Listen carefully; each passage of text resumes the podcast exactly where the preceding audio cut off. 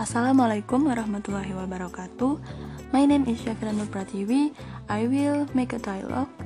Uh, the topic is talking about the silent letter.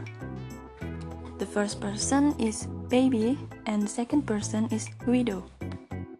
Let's start. Hey, are you busy? I need your help. Sure. What I can do for you?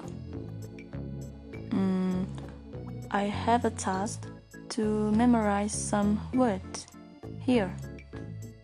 Okay, start from number one. Okay. Hour, harness, knock, knife, canoe, salmon, wood.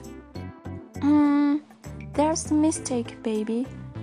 All of those words are silent letter.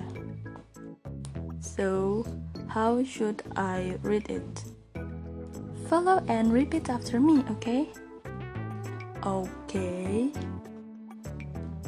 Our and honest is a silent H. Knock, knife, new is a silent K. Salmon, wood is silent L. So we don't read the word H on our, just our. Um, okay, I understand. Thank you. You're welcome.